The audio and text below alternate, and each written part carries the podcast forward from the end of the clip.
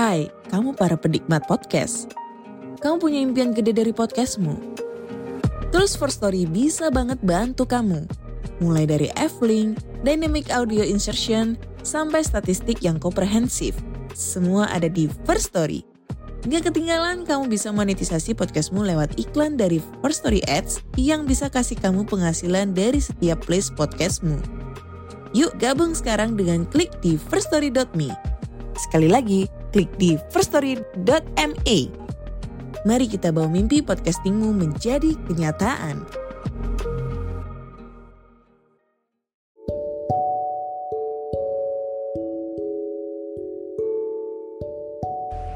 Halo semuanya, kembali lagi bersama saya Ardin Syah Mahendra, your book readers. Pada episode kali ini saya akan membacakan kelanjutan dari buku Criminal Mind, The Book of Serial Killer, profil psikologis para pembunuh berantai, karya Daud Antonius. Kalian bi kalian bisa cek uh, Facebook page-nya yaitu psikologi.id untuk memesan buku ini mungkin atau mendapatkan ya pencerahan-pencerahan sekitar seputar psikologis lah. Nah, pada episode sebelumnya saya membacakan pembuka dari buku ini yang berjudul apa ya, pembunuhan dan kriminalitas. Kalian bisa dicek di episode sebelumnya ada banyak muatan-muatan tentang kategori pembunuhan, motif pembunuh berencana, sisi gelap dari kehidupan manusia dan seputar itu. Nah, pada episode kali ini saya akan membacakan tentang kisah para pembunuh berantai. Ini adalah inti dari buku ini sebenarnya. Maksud saya, ini adalah alasan orang-orang membeli buku ini, orang-orang membaca buku ini untuk mengetahui kisah para pembunuh berantai yang dibuka oleh kisah Ted Bundy, pembunuh yang kejam namun mempesona. Di sini terdapat profil Ted Bundy. Nama lengkapnya Theodore Robert Cowell Bundy, lahir tahun 1946 tanggal 24 November. Ya, satu tahun lebih sedikit lah setelah Indonesia merdeka. Ted Bundy ini meninggal pada tanggal 24 Januari 1989 pada usia ke-42 tahun. Dia dihukum mati melalui kursi listrik. Wow, menyakitkan. Tuduhannya adalah penculikan, pemerkosaan, pembunuhan, dan mutilasi. Jumlah korban, dia mengakui berjumlah 30 orang, tapi korban aslinya diperkirakan lebih dari 100 orang. Profil korban, ya wanita usianya muda dan mahasiswi. Wow. Lokasi pembunuhannya adalah tujuh negara bagian Amerika dari Washington hingga Florida. Ada sebuah kutipan dari Ted Bundy, I don't feel guilty for anything. I feel sorry for people who feel guilt. Saya nggak ngerasa bersalah tentang segala hal. Ya, saya minta maaf, saya menyesal lah untuk orang-orang yang merasa bersalah. Bermodalkan paras yang tampan serta bermulut manis, tidak ada yang mengira bahwa ia adalah seorang pembunuh berantai yang kejam dan sadis. Ted Bundy adalah salah satu dari penjahat paling terkenal di Amerika pada abad ke-20.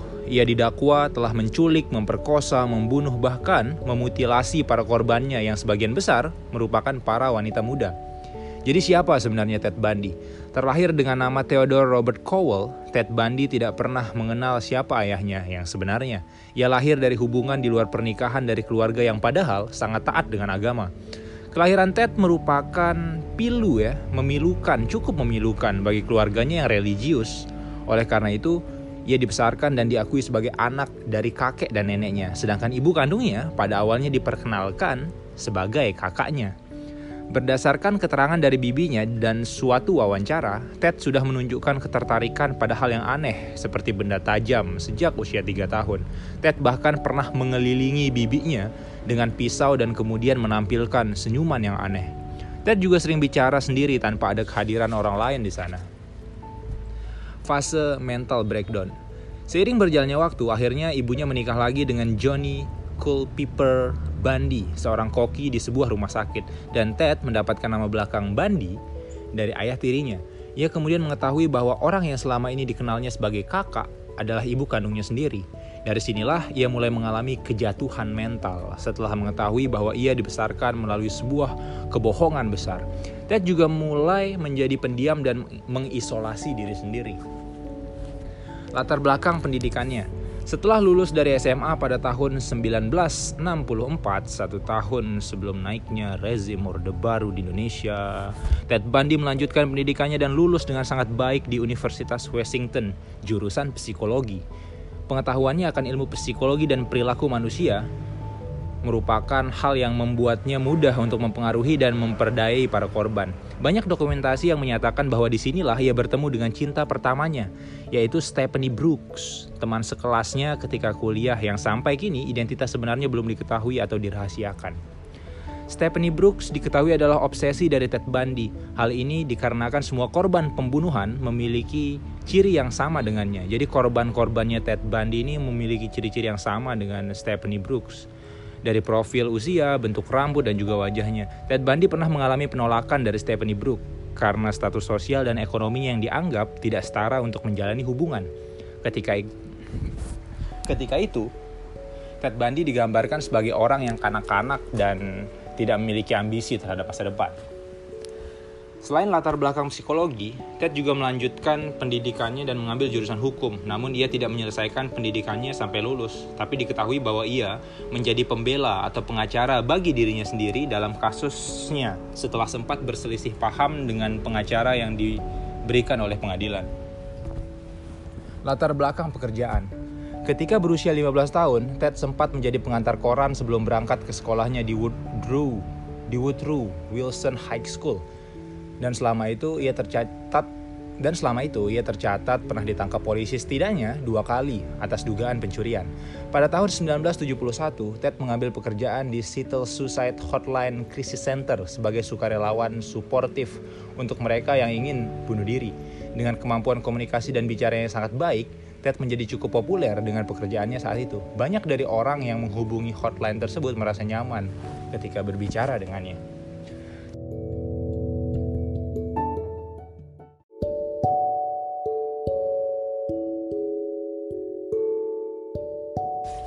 Setelah lulus kuliah di tahun 1972, ia bergabung dan menjadi juru kampanye gubernur dan mereka memenangkan pemilihan tersebut. Ia pun mendapatkan jabatan sebagai asisten direktur dari Komite Penasihat Pencegahan Kejahatan Seattle. Sebuah ironi karena beberapa tahun setelahnya, Ted menjadi salah satu pelaku kejahatan terbesar di tujuh negara bagian. Balas dendam pada cinta pertama. Ketika karirnya, mulai menanjak, Ted Bundy kembali menyatukan hubungannya lagi dengan Stephanie Brooks. Stephanie juga terkesan dengan perubahan karir dan prestasi Ted yang saat itu fokus pada dunia politik. Walaupun masih ada yang walaupun masih ada di usia yang sangat muda. Ketika berhubungan dengan Stephanie, Ted juga sedang menjalin hubungan dengan Elizabeth Kluver, seorang janda yang bekerja di sebuah universitas. Stephanie dan Ted sempat tinggal bersama dan membicarakan pernikahan sampai-sampai Stephanie mengenalkan Ted sebagai tunangannya. Namun, pada tahun 1974, Ted secara tiba-tiba memutuskan semua komunikasinya dengan Stephanie dan mencampakkannya. Dari keterangan Stephanie, Ted seperti bicara seakan tidak tahu apa yang terjadi di antara mereka berdua.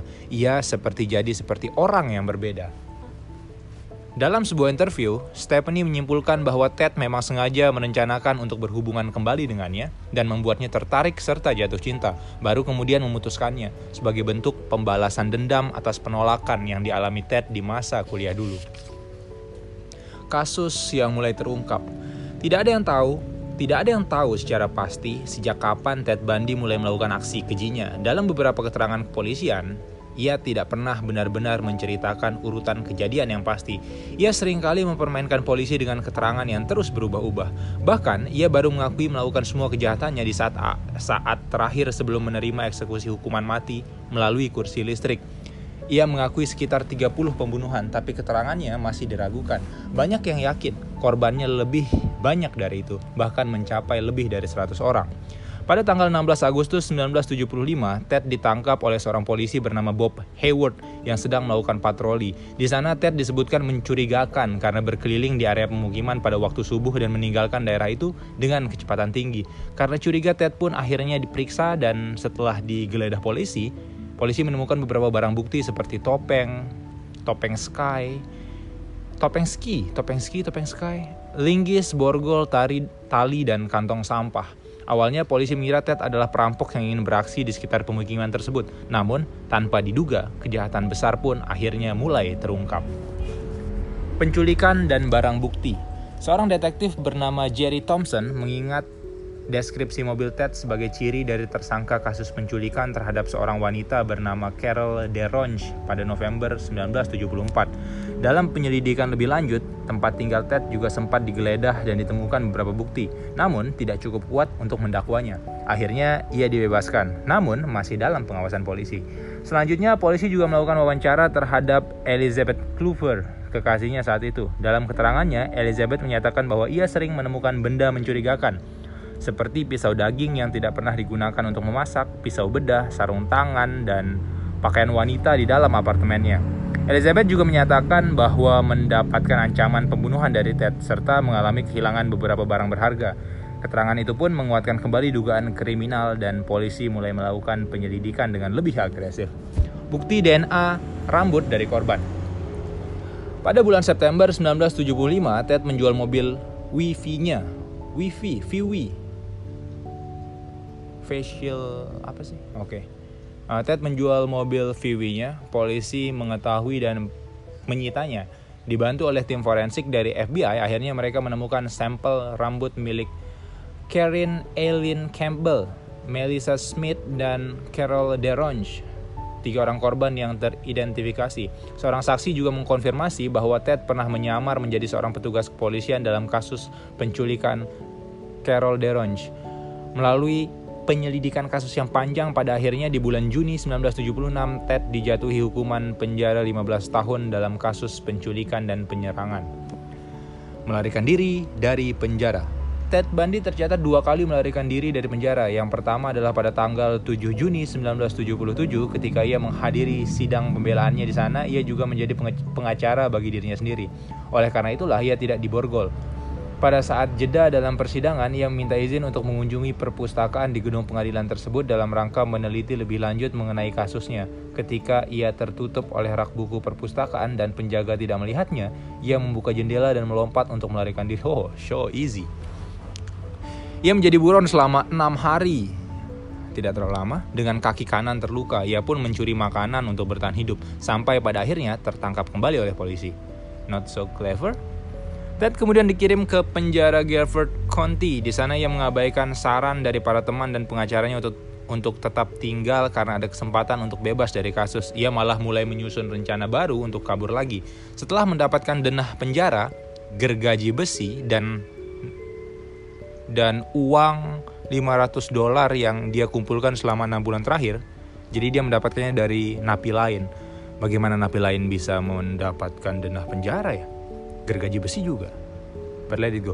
Ia juga menurunkan berat badannya sebanyak 16 kg. Oke, para wanita, perhatikan cerita ini.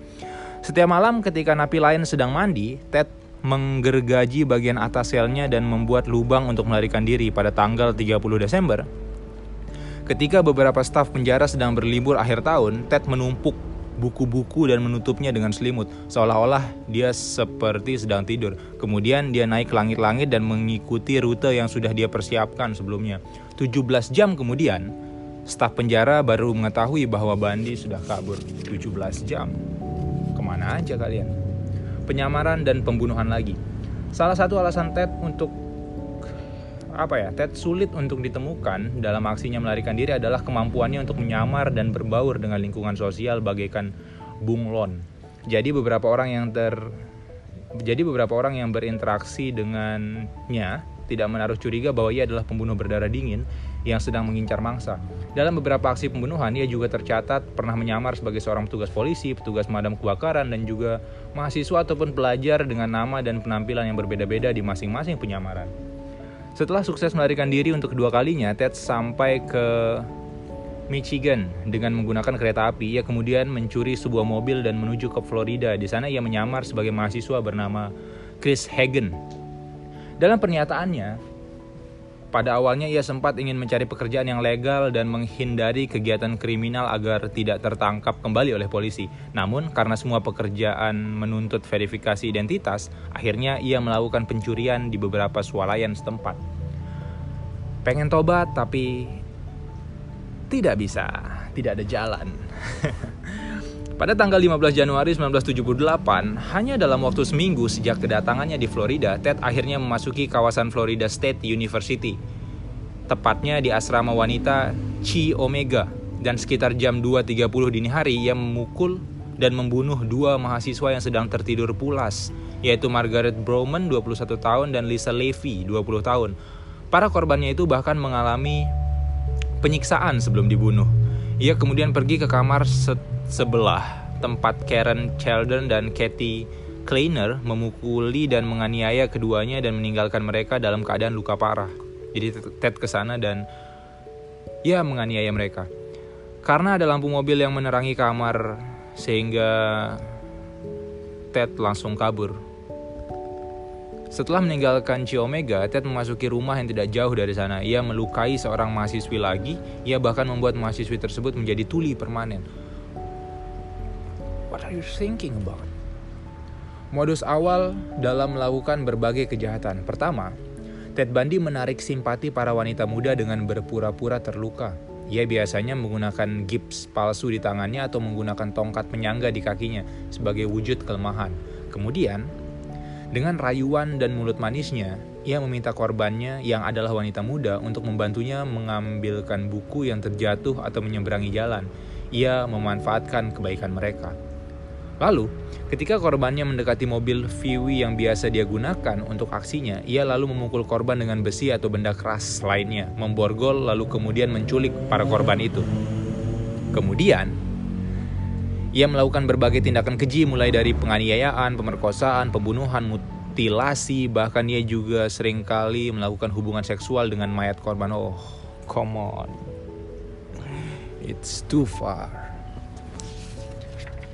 Perlu saya ingatkan lagi bahwa ini bukanlah inspirasi, tapi ini adalah sebuah peringatan bagi kita semua.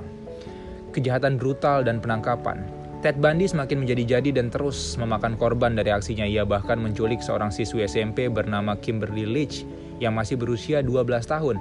Kimberly mengalami penganiayaan, pemerkosaan sampai akhirnya dibunuh dan dibuang di kandang babi. Pada akhirnya di tanggal 15 Februari 1978, aksi Ted pun berakhir setelah ia diberhentikan oleh polisi yang sedang patroli dan curiga dengannya. Sama seperti pada penangkapan pertama.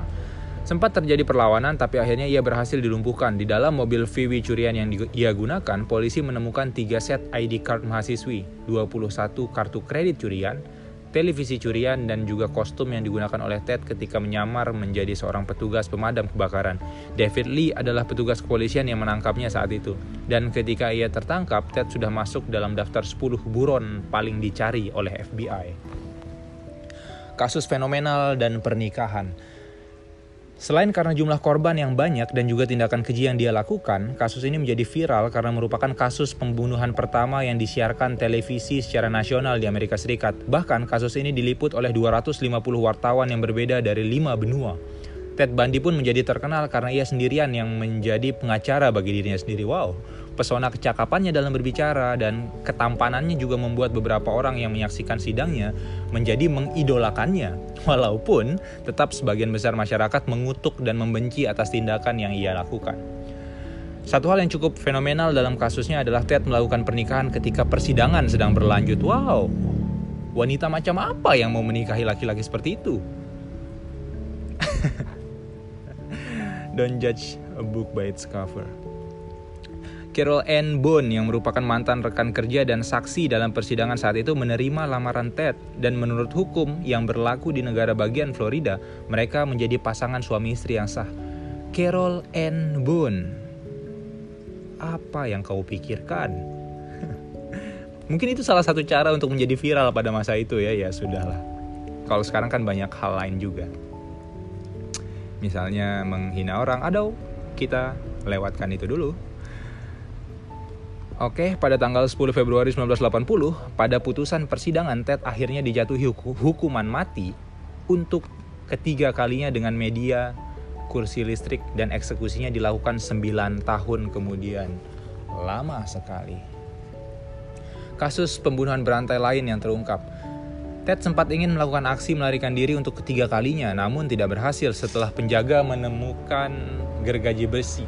Ia kemudian dipindahkan ke sel dengan tingkat keamanan yang lebih baik.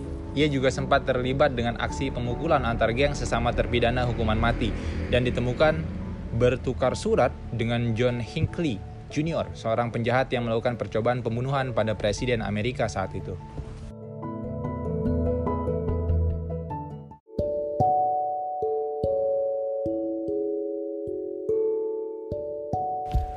Pada bulan Oktober 1984, Ted bekerja sama dengan Robert D. Keppel, seorang mantan petugas penegak hukum dan seorang detektif independen. Mereka berbagi pengetahuan mengenai profiling seorang pembunuh berantai lainnya, Gary Ridway, yang dikenal sebagai Green River Killer, yang telah menewaskan setidaknya 50-70 korban. Ted memberikan analisanya mengenai profil psikologis, motivasi, dan perilaku pembunuh tersebut. Ia juga bahkan memberikan saran agar polisi menunggu di tempat pelaku menguburkan jasad korbannya yang masih baru karena pelakunya akan kembali dan hal tersebut ternyata benar. Pada akhirnya Green River Killer pun tertangkap. Pengakuan yang tersirat Walaupun Ted tidak pernah mengakui kejahatannya sampai pada hari terakhir hukuman mati, ia sempat beberapa kali menerima kunjungan untuk wawancara. Ketika ia berbincang dengan Stephen McHout dan Hugh Ainsworth, dua orang jurnalis yang juga menulis buku tentangnya. Dalam sesi tersebutlah ia juga pertama kali menceritakan rincian mengenai kejahatan dan proses berpikirnya dalam melakukan berbagai tindakan. Namun yang menarik di sana, Ted berbicara layaknya orang ketiga atau ia berbicara seperti menceritakan tentang orang lain. Hal ini diduga ia lakukan untuk terhindar dari pengakuan diri sudah melakukan berbagai kejahatan yang kejam. He is so fucking good. Dalam suatu wawancara, Ted pernah menceritakan kepada agen khusus dan profiler kriminal dari FBI, William Heckmeyer, bahwa ada kepuasan yang mendalam yang tidak dapat dijelaskan yang ia dapatkan ketika melakukan serangkaian pembunuhan dan Ted juga menjelaskan bahwa ia melakukan pembunuhan bukan karena kekerasan, kejahatan, ataupun nafsu. Setiap korban yang dibunuh pada akhirnya menjadi bagian dari dirinya. Ted yang pada awalnya adalah seorang pembunuh yang amatir, impulsif dan membunuh karena nafsu semata, tapi kemudian ia menjadi seorang pemangsa yang benar-benar mencari korbannya. Hukuman dan kematian. Menjelang hari eksekusi matinya melalui kursi listrik, Ted Bundy pada akhirnya mengakui pembunuhan yang dituduhkan kepadanya. Ia bahkan menjelaskan dengan detail bagaimana caranya melakukan penculikan, pembunuhan, dan letak mayat para korban yang belum ditemukan. Ted juga mengaku kepada detektif kepolisian bahwa ia melakukan lebih banyak pembunuhan daripada yang selama ini dituduhkan kepadanya. Ia kemudian meminta waktu tambahan sebelum dieksekusi untuk menjelaskan mengenai beberapa detail yang sebelumnya ia sembunyikan. Pihak pengadilan mengatakan bahwa ini adalah strategi baru Ted dalam rangka memperpanjang hidupnya. Huh. Ia juga sempat melakukan negosiasi ke berbagai pihak termasuk pengadilan dan juga keluarga korban. Namun hasilnya tetap sia-sia. Eksekusi tetap akan dilakukan sesuai dengan jadwal yang telah ditetapkan. Ted Bundy pada akhirnya dieksekusi dan meninggal pada tanggal 24 Januari 1989 pada jam 7.16 pagi. Menurut keterangan beberapa saksi, ia menangis dengan keras sebelum kursi listrik akhirnya dinyalakan dan ia menerima hukuman atas perbuatannya. At last, people are always weak in front of death. Kematiannya disambut gembira oleh ratusan orang. Wow, disambut gembira sebuah kematian yang disambut gembira, termasuk para keluarga korban dan pihak kepolisian. Jasadnya dikremasi dan abunya disebar di tempat yang dirahasiakan. Media lokal sempat memberitakan bahwa ia mati dengan wajah yang tersenyum. Abunya disebar di tempat yang dirahasiakan. Why? Para korban yang teridentifikasi Meskipun jumlah korban yang sebenarnya masih misteri, Ted Bundy sempat mengakui setidaknya 30 pembunuhan yang ia lakukan. Dan pihak kepolisian menyelidiki 40 kasus yang serupa dengan modus dan ciri khas Ted Bundy. Berikut adalah beberapa korban yang teridentifikasi. Yang pertama, Karen Sparks. Johnny Lenz, 18 tahun. 4 Januari 1974. Dikenal juga dengan nama Johnny Lenz. Oh, namanya Karen Spark tapi dikenal juga dengan nama Johnny Lenz. Kejadian ini berlangsung di daerah Seattle, Washington. Uh, Karen dipukul dan dilecehkan secara seksual ketika sedang tidur. Ia ditemukan oleh seorang teman terbalik terbaring dengan penuh darah di atas ranjangnya. Pada organ vitalnya tertancap batang logam yang juga digunakan untuk memukul kepalanya hingga tidak sadarkan diri. Beruntungnya Karen masih selamat dan bertahan hidup meskipun ia mengalami kerusakan di bagian organ dalam dan juga pendarahan pada otak. Itu sangat mengerikan sih. Linda Ann Healy, 21 tahun, 1 Februari 1974. Ya, satu bulan kemudian. Masih di daerah Seattle, Linda menghilang tanpa jejak. Hal ini pertama diketahui oleh teman sekamarnya yang mendengarkan alarm yang tidak juga mati seperti biasanya. Kamar Linda pun sudah rapi, namun pintu tidak terkunci dan sepeda yang biasanya dia gunakan untuk bekerja masih ada. Orang tua Linda melapor polisi dan ditemukan sarung bantal dan spray yang penuh darah. Satu tahun setelah menghilangnya, akhirnya Linda ditemukan namun sudah dalam keadaan tidak bernyawa dan terdapat tanda pemukulan yang keras pada bagian kepalanya. Donna Gail Manson 19 tahun 12 Maret 1974 Satu bulan kemudian. Sekitar jam 7 malam Donna keluar meninggalkan kamarnya dan berjalan untuk menghindari konser jazz. Menghadiri bukan menghindari. Untuk berjalan menghadiri konser jazz di kampusnya. The Evergreen State College itu kampusnya. Ia kemudian diculik ketika sedang berjalan. Ted mengakui bahwa ia telah membunuh Donna ia juga sempat membakar kepala Dona yang sudah terluka di perapian. Kerangka mayat Dona pada akhirnya ditemukan sekitar satu tahun kemudian di Taylor Mountain, tempat Ted menyimpan jenazah beberapa korbannya di gunung. Susan Elaine Rencourt, 18 tahun, 17 April 1974. Jadi empat korban yang pertama ini kita lihat jaraknya sebulan-sebulan gitu ya. Walaupun agak lebih dikit, agak kurang dikit ya. Jenazah Susan juga ditemukan di Taylor Mountain. Ia terakhir terlihat jam 8 malam setelah menemui seorang penasehat pekerjaan terkait dengan kegiatan yang akan dilakukannya menjelang liburan akhir semester. Ia seharusnya menonton bersama dengan temannya pada jam 9 malam, namun tidak pernah menunjukkan diri. Ted mengakui telah menculik dan juga membunuhnya. Roberta Kathleen Parks, 22 tahun, 6 Mei 1974 Kejadian berlangsung di Corvallis, Oregon. Roberta diculik dan dibunuh ketika ia meminum kopi bersama dengan seorang teman. Di hari yang sama, ayah Roberta sempat mengalami serangan jantung setelah bertengkar dengannya. Tengkorak Roberta juga ditemukan di tempat yang sama dengan korban sebelumnya. Brenda Carol Ball, 22 tahun, 1 Juni 1974. Hari lahir Pancasila 1 Juni 1974. Bukan tahunnya tapi bulannya 1 Juni.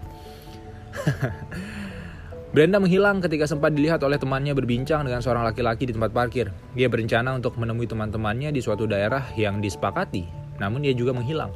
Pada awalnya teman-temannya tidak menaruh curiga, sampai akhirnya Brenda menghilang hingga 19 hari. Tengkorak kepalanya juga ditemukan di tempat yang sama dengan korban sebelumnya. Apa lokasinya tadi? Di Mountain Mountain Taylor Mountain. Georgian Hawkins 18 tahun 11 Juni 1974 oh dia sepertinya mulai semakin nagih ya perasaan membunuhnya sehingga belum satu bulan bahkan hanya 10 hari setelahnya dia sudah menculik orang lagi dan membunuhnya korban lain dari Ted yang dibunuh dengan cara dicekik ia diculik ketika sedang berjalan menuju asrama kampus. Ted berpura-pura terluka dan meminta korbannya untuk membawakan tas. Sampai pada akhirnya ia dipukul hingga tidak sadarkan diri baru kemudian diculik. Di malam kejadian, Jurgen memang pulang lebih dulu dari sebuah pesta karena ingin belajar sebelum ujian keesokan harinya. Mayat Jurgen tidak jauh dari Lake Semis State Park. Satu bulan kemudian, 14 Juli 1974, Janice N. Ott, 23 tahun. Janice adalah seorang pekerja sosial yang diculik pada siang hari di Lake Semis State Park. Itu tidak jauh dari mayatnya si Georgian tadi.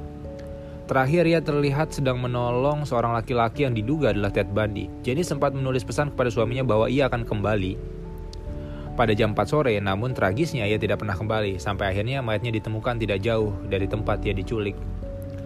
Dennis Merina Slun, 22 tahun, 14 Juli 1974 pada hari yang sama, 14 Juli. Berselang 4 jam setelah menculik Janice, masih di tempat yang sama, Ted kembali mencari mangsanya. Dia benar-benar apa ya ngebet banget kayaknya. Kali ini Dennis yang menjadi korbannya. Ketika ia sedang piknik bersama dengan teman dan pacarnya, Dennis memisahkan diri dari rombongan dan menuju ke toilet, namun ia tidak pernah kembali setelah itu. Mayatnya juga ditemukan di tempat yang sama, tidak jauh dari lokasi penculikan. Nancy Wilcox, 16 tahun, 2 Oktober 1974. Oh, pensiun satu bulan berapa bulan ya pensiunnya Juni, Juli, uh, Agustus, September, Oktober tiga bulan kemudian baru ada aksi lagi. Mungkin dua bulannya ada tapi tidak tercatat. Baiklah, Ted Bundy berpindah dari Washington ke Utah, Colorado. Korban pertamanya adalah Nancy, seorang cheerleaders dari Olympus High School yang masih berusia sangat muda, ya 16 tahun. Diserang lalu kemudian dicekik ketika sedang mengendarai mobil sendirian. Ted mengatakan bahwa mayatnya ditinggalkan di daerah Salt Lake City, namun hingga kini belum juga ditemukan oleh pihak kepolisian. Melissa N. Smith, 17 tahun, 18 Oktober 1974, berselang 6 ha, 16 hari. Melissa adalah seorang anak dari seorang kepala polisi. Wow, You are so brave, Ted Bundy. Ia sempat diperingatkan akan bahaya dan teror yang sedang mengancam oleh ayahnya sendiri. Ia terakhir terlihat bersama dengan teman-temannya di sebuah kedai pizza, namun setelahnya ia tidak pernah kembali pulang. Mayatnya kemudian ditemukan pada 27 Oktober 1974 dengan sejumlah bekas jeratan pada leher.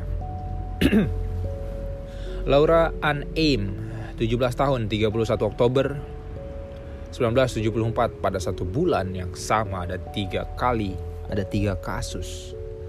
Laura menghilang pada malam Halloween. Ia diculik dan dibunuh ketika sedang berjalan sendirian di malam hari, sepulangnya dari sebuah kafe. Mayatnya baru ditemukan satu bulan setelahnya di pinggiran sebuah sungai oleh seorang pejalan kaki yang sedang lewat.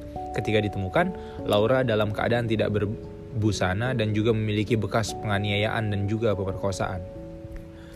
Carol Daronch, 18 tahun, 8 November 1974. Carol adalah korban yang berhasil selamat dari Ted Bundy. Ia melarikan diri setelah diculik, diborgol, dan diancam menggunakan linggis. Sepasang suami istri menemukan Carol dan akhirnya membawanya ke kantor polisi terdekat. Carol mulanya diperdaya oleh Ted yang berpura-pura melihat pencuri mobil Carol. Ted membujuk Carol untuk ikut dengannya untuk melaporkan kejadian pencurian. Kemudian, pada akhirnya, ia diculik. Debra Jane Ken, 17 tahun. Uh, baik sebelumnya, kita kembali ke Daryl Daronch. Jadi dia kehilangan mobil berarti ya. Jadi dia, dia kehilangan mobil lalu ketemu sama Ted. Dia mau dibantu sama Ted sehingga dia ya dia butuh bantuan tapi sayang sekali dia diberikan bantuan oleh orang yang salah. Oke, selanjutnya Debra Jane Ken, 17 tahun, 8 November 1974. Pada hari yang sama, dengan Carol Deronge. Di hari yang sama setelah gagal mencuri Carol, oh, karena gagal, baik Debra tidak pernah kembali ke rumah setelah menjemput adiknya dari tempat ice skating. Ia diculik dan dibunuh oleh Ted seusai menyaksikan sebuah drama sekolah. Penduduk sekitar sempat mendengar suara teriakan pada jam 11 malam namun tidak menemukan apa pun. Sampai saat ini, mayat Debra belum juga ditemukan. Hanya sebuah borgol di tempat parkir yang dipergunakan oleh Ted dalam melakukan tindakan kriminalnya. Debra sial sekali hari itu sedangkan Carol mungkin sangat apa ya sangat berterima kasih gitu sangat bersyukur pada hari itu. Sedangkan dia bersyukur di atas penderitaan orang lain. Wow itu framing yang berbahaya. Karen Ellen Campbell 23 tahun 12 Januari 1974 iya 19, oh enggak. 1975. Ted menculiknya dari sebuah hotel di Colorado ketika sedang berlibur bersama dengan tunangan dan dua orang anaknya. 36 hari setelah menghilang, mayatnya baru ditemukan tergeletak di tumpukan salju. Tidak jauh dari hotel tempatnya menghilang, ketika ditemukan, ia dalam kondisi cukup mengenaskan. Ada bekas penganiayaan, pemerkosaan, dan memar akibat kekerasan seksual. Julie Cunningham, 26 tahun, 1 Maret 1975 sama seperti korban yang lain, Maya Julie tidak juga ditemukan hingga saat ini berdasarkan keterangan ibunya yang sempat menelpon sebelum kejadian tragis pembunuhan itu terjadi. Julie sedang menuju ke sebuah kedai kopi untuk menemui seorang teman. Dennis Lynn Oliverson, 25 tahun, 6 April 1975. Suami Dennis sempat mengira ia sedang ada di rumah orang tuanya untuk berkunjung, namun ternyata ia tidak pernah datang. Dennis diculik oleh Ted ketika sedang dalam perjalanan ke rumah orang tuanya dengan menggunakan sepeda. Mayatnya kemudian dibuang ke sungai setelah dibunuh dan tidak pernah ditemukan hingga saat ini. Januari, Maret, berarti Februari tidak ada kasus, kemudian April, yang selanjutnya Mei tanggal 6, di tanggal yang sama, 6 April, kemudian 6 Mei, terus 28 Juni, pada 6 Mei 1975, Leonid Don Kelver 12 tahun. Wow, 12 tahun dia masih sangat muda, sangat masih bocah lah. Leonid adalah salah satu gadis yang menjadi korban termuda dari Ted Bundy. Ia diculik dari sekolahnya di Alameda Junior High School di Pocatello, Idaho. Idaho gimana sih bacanya? Sebuah daerah lah di Amerika. Ted mengaku membuang mayat korbannya di sungai Snake tapi polisi tidak pernah menemukan mayatnya hingga saat ini. Susan Curtis, 15 tahun, 28 Juni 1975. Susan Curtis dilaporkan hilang. Ia diakui diculik oleh Ted ketika sedang berada di sebuah konferensi kepemudaan di, di Brigham Young University. Mayatnya disebutkan dikubur, namun hingga saat ini belum juga ditemukan. Korban dari asmara Chi Omega, Florida State University, 15 Januari 1978. Maksudnya gimana ya? Yang pertama ada Margaret Elizabeth, ada Lisa Levy, Karen Chandler, Kathy Cleaner, para mahasiswi korban kekejaman Ted Bundy yang berada di asrama wanita. Oh asrama, oke. Okay. Korban dari asrama Chi Omega bukan asmara, astaga. Para mahasiswi korban kekejaman Ted Bundy yang berada di asrama wanita Chi Omega, Florida State University. Margaret Lisa, Margaret dan Lisa tewas secara mengenaskan, sedangkan Karen dan Kathy berhasil selamat lalu kemudian bersaksi di persidangan. Kemudian ada kemungkinan korban lainnya. Anne Mary Burr. Pada tanggal 31 Agustus 1961, Ted Bundy baru berusia 15 tahun. Saat itu ia tinggal bersama dengan pamannya yang adalah seorang guru musik. Salah seorang murid dari pamannya, Anne Mary Burr, tinggal tidak jauh dari sana. Anne Mary Burr yang baru berumur 8 tahun menghilang tanpa jejak. Ayah dan ibunya mencarinya ke mana pun tidak dapat ditemukan. Mereka melapor polisi, namun sampai 58 tahun kemudian Anne Mary belum juga ditemukan. Keluarga Mary mencurigai Ted karena mereka saling mengenal, tapi Ted menyangkal keterlibatannya dalam hilangnya Anne Mary. Saat dia sudah mengakui berbagai macam kejahatan, kenapa yang ini masih disangkal kalau memang dia yang melakukan? Tapi entahlah. Lisa Ewick dan Lonnie Ri. Keduanya berusia 20 tahun dan berprofesi sebagai pramugari. Mereka dipukul dengan menggunakan kayu di apartemennya dekat dengan asrama Chi Omega pada 23 Juni 1966. Satu tahun setelah Orde Baru. Berjalan. Oke, okay, let it go. Lisa masih hidup dan mengalami trauma serta amnesia, sementara Lonnie meninggal dunia. Lonnie meninggal dunia. Ted tidak mengakui keterlibatannya dalam kasus ini. Dua orang mahasiswi yang sama-sama berusia 19 tahun sedang berlibur namun ditemukan tewas pada 30 Mei 1969 berdasarkan wawancara psikolog uh, dengan Ted Bundy, ia menyatakan bahwa korban pertamanya adalah dua orang wanita dengan lokasi yang serupa dengan meninggalnya Susan Margaret Davis dan Elizabeth Perry meskipun belum ada bukti yang kuat hingga saat ini. Jadi Ted pernah cerita nih sama psikolog forensik bahwa salah ya korban-korban pertamanya itu ada dua orang wanita uh, dengan lokasi yang serupa nih sama si Elizabeth Perry sama Susan Margaret tapi nggak ada buktinya. Sedangkan kalau kita tarik lagi ke atas di kasusnya si Anne Mary Burr pada tahun 1961 Ted berusia 15 tahun. Berarti pada tahun 66, 1966 Iya, Ted berusia 20 tahun. Ya sudah cukup mungkin lah. Bahkan 15 tahun pun mungkin jika dia memiliki perilaku seperti itu. Kasus orang hilang dan juga pembunuhan lain yang juga diduga Ted Bundy namun belum terbukti. Yang pertama dari Rita Patricia Curran, guru SD 24 tahun, Joyce Lipek, mahasiswi 21 tahun, Rita Lorenjoli, pelajar 17 tahun, Catherine Mary, pelajar 14 tahun, Sandra Jane Weaver, mahasiswi 19 tahun, Melanie Susan. Melanie Susan. Susan kayaknya tapi tulisannya Susan gitu. Pelajar 18 tahun Sally K. Robertson karyawan 24 tahun. Nancy Perry Baird, karyawan 23 tahun, menyimpan piala pembunuhan. Selain melakukan tindakan kekerasan seksual dan juga pembunuhan terhadap para korbannya, Ted Bundy mengakui bahwa ia juga melakukan hubungan seksual dengan mayat para korban atau yang biasa dikenal dengan gangguan psikologis nekropilia. Hubungan seksual dengan mayat para korban. Wow, I mean dia benar-benar sakit sih. Ted Bundy juga menyampaikan bahwa ia memutilasi dan menyimpan kurang lebih 12 kepala dari para korbannya. Ia bahkan mendandani kepala para korbannya dan sesekali mengajak mereka bicara. Sampai akhirnya kepala yang ia kumpulkan itu perlahan membusuk dan ia singkirkan dari apartemennya. Itulah sebabnya dalam proses pencarian para korban hanya beberapa bagian tubuh yang bisa ditemukan. Karena ia sering kali melakukan mutilasi terhadap para korban dan membuang mayat mereka di berbagai tempat yang berbeda analisa psikologis Ted Bundy. Ted Bundy menjalani berbagai interview, baik dengan pihak penyidik di kepolisian, jurnalis, dan juga beberapa pemeriksa kejiwaan. Seorang psikiater Dorothy Otno Lewis yang berasal dari Univers Universitas New York yang memeriksanya menyatakan bahwa Ted memiliki kecenderungan bipolar atau gangguan kepribadi yang ditandai dengan perubahan kadar emosi yang sangat drastis.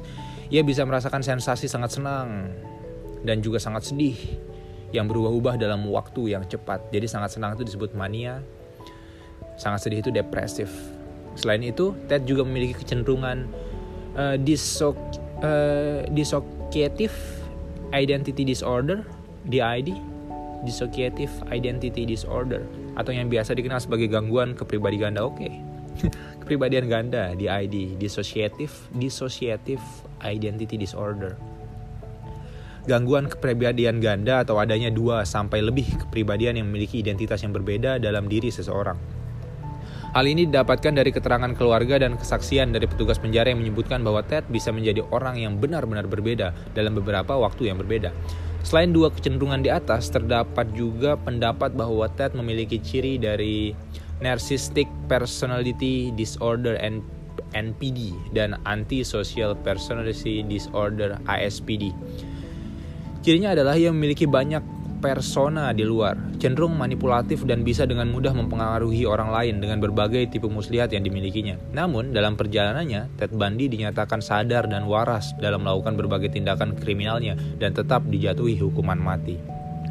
Jadi sebenarnya hal-hal semacam NPD, SPD itu jika benar-benar digunakan untuk kebaikan, itu akan sangat berguna. Dia bisa jadi superhero. Berdasarkan salah satu buku tentang Ted Bundy karangan Al Carolis yang berjudul Violent Mind, The 1976 Psychological Assessment of Ted Bundy. Terungkap bahwa Ted Bundy adalah pribadi yang mudah diajak bicara, namun mudah berbohong, melanggar aturan dan bisa dengan mudah mengubah pribadiannya layaknya bunglon dari wawancara penulis dengan Ted selama 20 jam. Ia juga menemukan bahwa Ted menunjukkan persona dan keramahan untuk menyembunyikan kecemasan dan amarahnya. Studi dari profil Ted Bundy inilah yang kemudian memunculkan pemodelan adaptif bagaimana seseorang pada akhirnya memutuskan untuk bertindak agresif sampai-sampai e, membunuh orang lain atau dengan kata lain bagaimana sebenarnya perilaku menyesuaikan diri dan proses psikologis membuat para monster menciptakan para monster atau serial killer ini tercipta. Proses psikologis terciptanya para monster.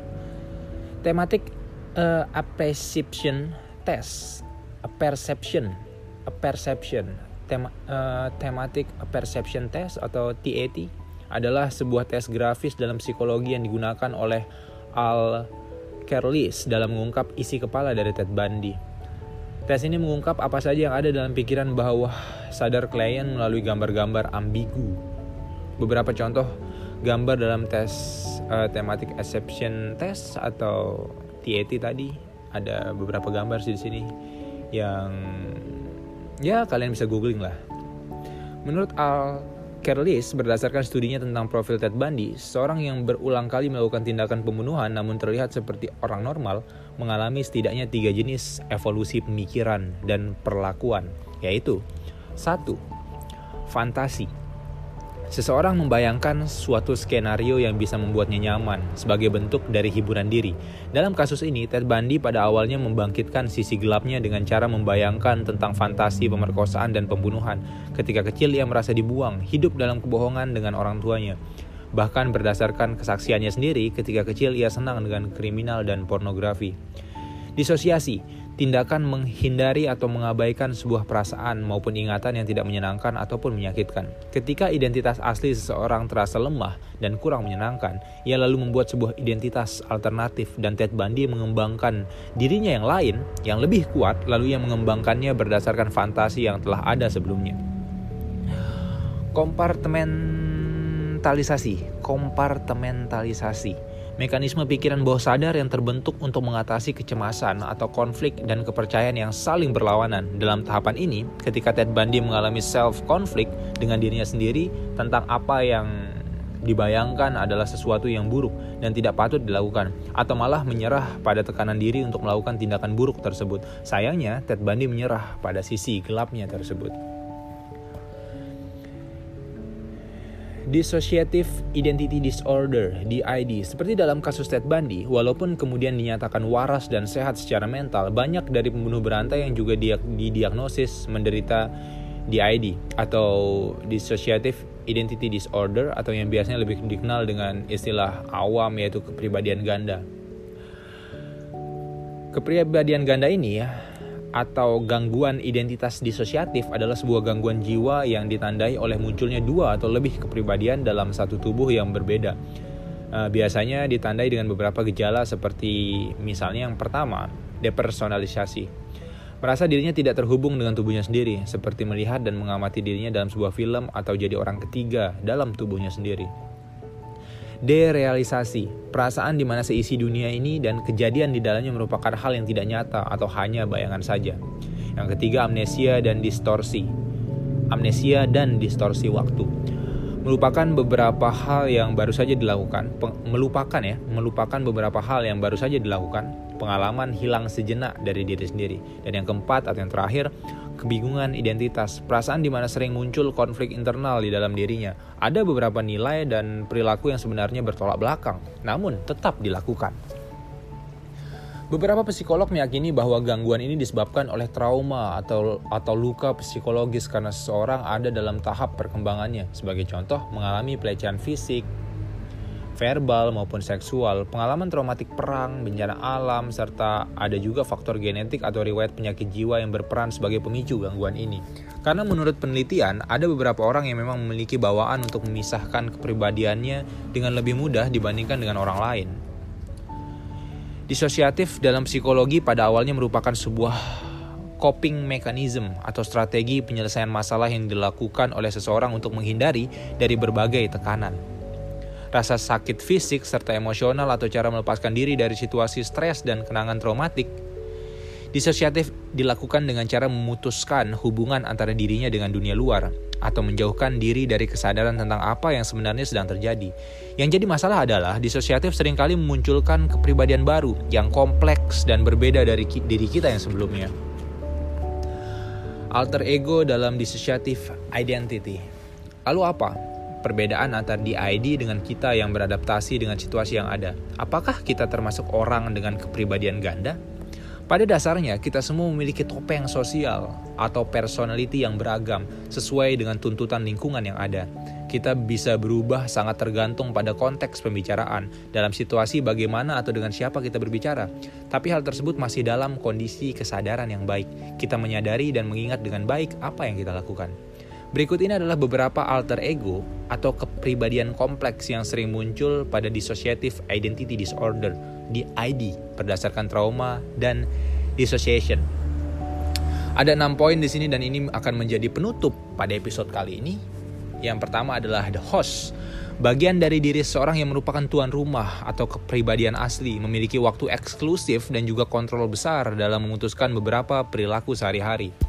Child alter, bagian dari kepribadian yang berusia ya lebih muda atau bagian kekanak-kanakannya. Biasanya di sinilah ingatan akan tindak kekerasan, pelecehan, pelecehan dan sebagainya yang terjadi jika dijelaskan melalui teori uh, psikono uh, psikoanalisis. pada tahap ini seseorang sedang mengalami regresi atau mundur dari masa perkembangannya yang seharusnya. Helper atau protektor, alter yang bersifat melindungi, bersifat defensif hingga agresif ketika diperhadapkan kepada situasi yang dirasakan mengancam. Biasanya kepribadian ini dibentuk lebih kuat, baik secara fisik maupun mental. Preskutor personality, kebalikan dari protektor. Preskutor adalah kepribadian yang sebenarnya ingin melindungi tapi dengan cara memberikan hukuman. Kepribadian ini berhubungan dengan perilaku berbahaya seperti self-harm, bunuh diri, obat terlarang, dan lain-lain. Kemudian yang kelima, animal alter. Bagian dari diri yang sepertinya menirukan tingkah laku binatang buas untuk melindungi atau mengekspresikan emosional.